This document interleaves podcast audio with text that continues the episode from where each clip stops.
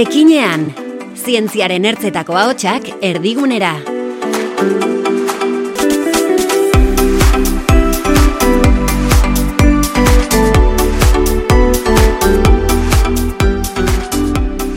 Kaixo, eta ongi etorri EHU Ekinean podcastera.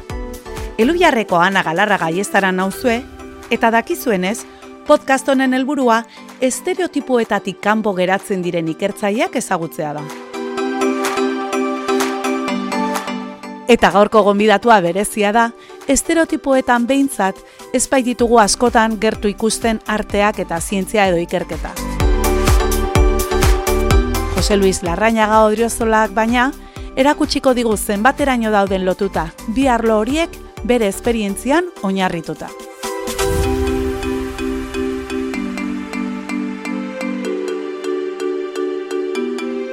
Kaixo eta ongi etorri, Jose Luis Larrañaga, esan dugu lehen, bazu izango zarela igual gure gonbidatu bereziena edo berezienetakoa, orain arte guztiok zarete bereziak, baina batez ere, ba, lantzen duzun arloa ez delako zientziatzat hartzen dena, baina bazara ikertzaia. Zertan ikertzen duzu? E, momentu honetan arte egetako fakultateko irakasletako ba naiz, kultura ondaren kontserbazio eta zagoeretze ari buruzko graduan, eta orain dela pare bat urte parte hartu nuen Maria Cristina, Donostiko Maria Cristina Zubiko dekorazioaren zahar berritzean.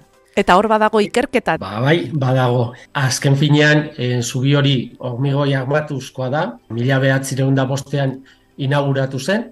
Egintzen garaian oso azkar egintzen, e, bere garairako hormigoia erabiltzea etzen oso ohikoa, Orduan aintzindaria izan zen, aintzindarietako bat izan zen, zubi batean hormigoia, hormigoia armatua erabiltzen. Karo, hasierako hormigo, o zemento porlan hori etzen gau bezain homogeneoa eta hain egokia, eta zuen zubia zuen itxura, ba, pizkat, e, etzen oso txukuna edo oso homogeneoa. Orduan erabaki zuten, ba, iru urtera, ba, margotu egin bertzela, batez ere, dauzkan torreo joiek, ezagutzen bali baduzu e, Maria Cristina Zubia da tren estazioaren parean eta autobus estazioaren parean momentu honetan. Horla, doratuak eta dauzka eta... Lauto hori dauzka, bi ertz bakoitzean, eta geho zubia. Dena, mila behatzen da bostean egintzen, baina egia da e, aldaketa batzuk, esku hartze batzuk asko izan dituela egia esan da, eta horietako esku hartze bat izan zela mila behatzen da laro bostean egintzana, zubia bota egin zuten eta berregin egin zuten ba ahaltzen egokien bere garaian izan zuen itxura e, nolabait errekuperatu nahi izan zuten. Baina torre horiek mantendu zian eta horiek originalak dira.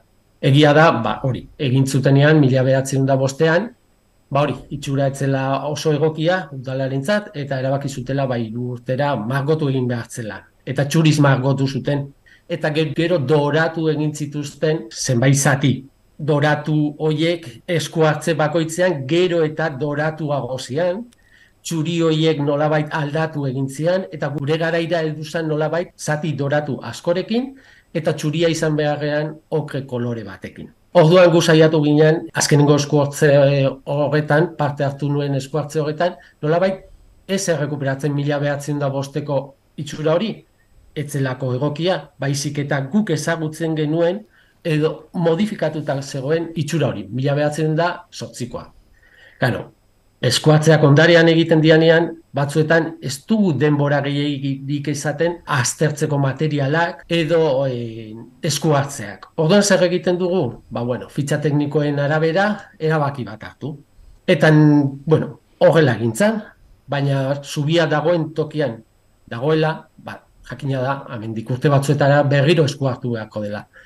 Orduan ere aukera izan zen, unibertsitatean lanean negoenez, ba, bueno, lagin batzuek hartzea, biharko egunean ze margo izan litekeen baldintza horietara gehien egokitzen dena. Bai, iraunkorrena eta zahartze gutxiena izaten duena. Kontuan izan da, donostian dagoela, baitxasotik aingertu, hiri baten erdian eta trafikoaren poluzioak ere noski eragingo dio. Hori da, eta hemen ezetasuna deltua dugu, eguzkiak ere kalte egiten dio margo hori, orduan, ba, bueno, erabaki genuen, ba, margo desberdinak aplikatzea, hogei garren mendea zierako hormigoi hori imitatuz, aplikatu genituen pintura desberdinak, etxe komertzialak eskenitakoak, eta hoiek nolabait zahartu genituen ikusteko ze iraulpen duen eta ze zahartze duen. Noski, pintura horiek egonkorrak izateaz gain, nahi dugu nolabait estetikoak izatea, funtzio estetiko bat ere badutelako. Eta gai baldimadian nolabait babesteko originala den Euskarri hori, ba hobe. Eta nire doktore gotezia momentu horretan hortik doa. Ba, laginak hartu, fogak egin, pintura desberdinekin, eta egokiena zein izango litzaken e, biako egunean. Egia da, biako egunean pinturak e, seguren margoiek evoluzionatuko dutela, gero eta hobeagoak izango diala, egonko gagoak, iraunko gagoak, Baina, bueno, gutxienez ikusiko dugu ze pintura izan litekeen egokienetako bat. Orduan badauka horrek arlo askotakoen begira da, ez da, kimikaren aldetik, ba, komposizioa pinturana, badauka aipatu dugu, ba, klimatologia edo meteorologia bintzat, ba, mm. alderdi hori ere bai, artistaren ikuspegia etortzen zaigunean zerbait oso subjetiboa eta arlo teknikoak ere badauka hor pixua. Pila bat, eskuartzen denean, ondarea eh, eskuartzen dagen denean ez gaude arte erretakoak, o kontserbatzaileak edo zaharberritzaileak bakarrik, ez. Kasu honetan ingenieriak ero egontzean arkitektuak ere bai, historialariak ere bai, kimikariak ere bai. Eta denon arteko lankidetza horrek emaitza borobiltzen du egia esan da. Baina baita ere egia da aurrekontuaren arabera, daten arabera, ba batzuetan ez tigula ematen ondarea eskuartu aurretikan egin behar dugun ikerketa guzti hori egiteko denborarik o dirurik izaten. Orduan, ba bueno, aukera on bat iruditu zitzaidan, ba bueno, orain laginak baditugunez, ikertu dezagun. Muga hori izaten da, dirua eta denbora, alegia, e, horrek baldintzatzen du egiten dituzuen esku hartzeak beste zer baino gehiago. Bizitzan beste aglo guztietan bezala bai, egia esan da. Egia esan da bai. Saiatu beharko ginake hori ez horrela izaten, bai askotan horrela izaten da. Egiten dugu aldugun oberen baldintza hoietan eta momentu horretan baita ere. Garatzen dijoaztelako baita ere produktuak, bai esku hartzeak, orduan, garaiegan garaiekoa egiten da. Adibidez, mila be, behatzen da larogeita bostean esku hartu zenean zubia, bere garairako egia esan oso ondo egin zen zerbait izan, baina egin zutena da zubia bota eta berregin. Ez kontserbatu, baizik eta berregin. Eta gaur egun ere olako gauzak ikusten ditugu, olako esku hartzeak gu saiatzen gara beti ere kontserbatzen. Muga esan denik eta claro, igual ikuspegia aldatzen dena, ez alda baita ere erronka. Bai, eske azkenian da guk ez dugu materiala bakarrikan kontserbatu nahi. Bai, materiala kontserbatu behar dugula, baina eraikitzeko modu hori ere kontserbatu nahi dugu. Edo erabilitako zementu porlana ez da gaur egungoa. Gaur egiten, berregiten balimada, ez da berdina izango sekula ez da berdina izango, baina gutxiago momentu honetan ez garelako gai garai hartako zemento porlana egiteko. Orain egiten dugun zemento porlana oso uniformea da, oso egokia da, ere garaian etzen horrela. Duan, kontxe bai, egonka da, batzuetan zailago ere bada, garestiago ere bai, kasu askotan, baina saiatu beharko gineke originala den hori kontserbatzen, ez behar egiten, eta nola baiteko, bertsio berri bat ematen. Eta hori ikuspegi hori gaientzen da edo beste joerak ere ikusten ditugu berriro egitearena beste zerbait. Eta gainera, emanez igual, leno zeukanaren itxura, hori are arraroagoa bada ez, ba, behin egitekotan, ba ez dakit ematen du logikoagoa izatea zerbait gaur egungoa eta gaur egungo estetika eta beharretara egokitzen dena. E, mugimendu horiek e, aldatzen doaz edo hor badago korrenteak daude edo adostasuna zenbaterainokoa da alderdi horretatik? Bueno, adostasuna uh, komplikatua da. Egia esan, e, guk oso garbi daukagu zaharberritzaileak zer nahi dugun. Arkitektuak batzuetan baita ere beste gauza ba nahi dute. Iriak beste zerbait eskatzen du baita ere.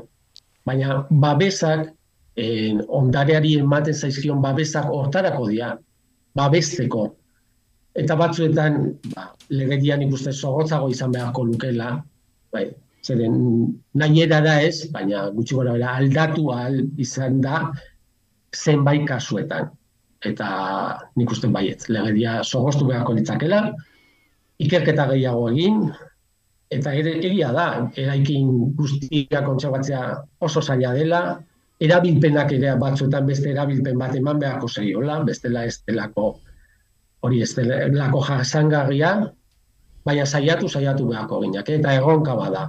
Eta hau ez da zahar berretzailean e, erabaki bat bakarrik, historialariak ere bere e, parte hartzea izan behar du, arkitektuak ere bai, ingenieria kasu honetan zubiaren kasuan bezala, eta danon e, kimikariak, geologoak, denon artean erabaki egokiago hartuko dugu Eta hori baino lehenago, zahar berritzaile izan nahi zenuela, hori nola erabakitzen da, noiz etorri zitzaizun horretarako gogoa, izan da hola, gauza bate bestera eraman zaituela eta hor bukatu dezula. Ez. Ez. Naiko garbi nauka ezago entzaile izan duela. Eta hori nondik, etorri zitzaizun? Ba, ez dakit, ez daukat aurreko, ez nire aita, ez nire ama, ez daukan ez ikusirik e, mundu honekin, baina bai garbi naukan arte errak egin nahi nuela, eta arte erren barruan, kontserbazioa eta zarberritzea. Eta, ba hori, urte askotan hortan lan egin izan nuen, ba hori, ibilbidea hortik joan zen gero aukera eman ziaten unibertsitatean irakasle bezala lan egiteko, oso aukera ona, egia esan da, berriro gauzak ikasteko, buelta bat emateko, eta unibertsitatean lan egiteaz gain, zenbait proiektutan lan egin izatea, oso, oso aberazgarria iruditzen zait. Nik uste dute unibertsitateak bai eman behar duela jakituria hori zabaldu behar duela, proiektu desberdinetan, enpresek ere kontaktuan jarri behar dutela unibertsitatearekin, eta lankidetza horrek nik uste emaitza oso sonak emango dit. Dut esaten zaharberritzaileakin bakarrik, eh? guztiekin. Bai, bueno, bada unibertsitatearen funtzioetako bat, eta bestea da irakasle izatea, e, ikasleekin eta zer moduz, hori alderdi hori ere gustuko dezu edo? Bai, bai, egia esan da, bai. Ez da eramatzat urte gehiagirik, eskarmentu gehierik ez dut, baina egia esan da gustatzen zait.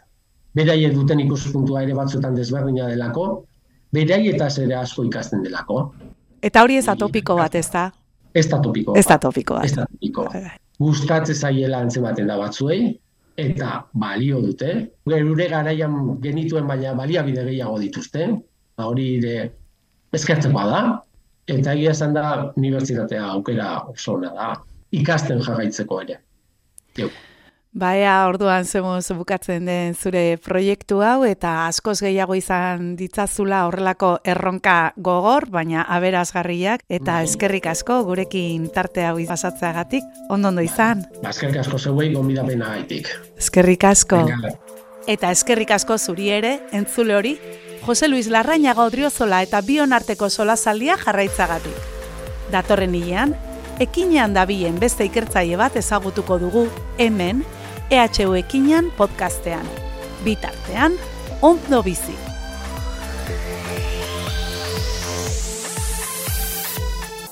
Ekinean, Euskal Herriko Unibertsitatearen ikerkuntza gizartean zabaltzeko zuzendaritzak, zientzia eta gizarte garapenaren eta transferentziaren arloko errektore ordetza eta eluiarrek ekoitzitako podcasta.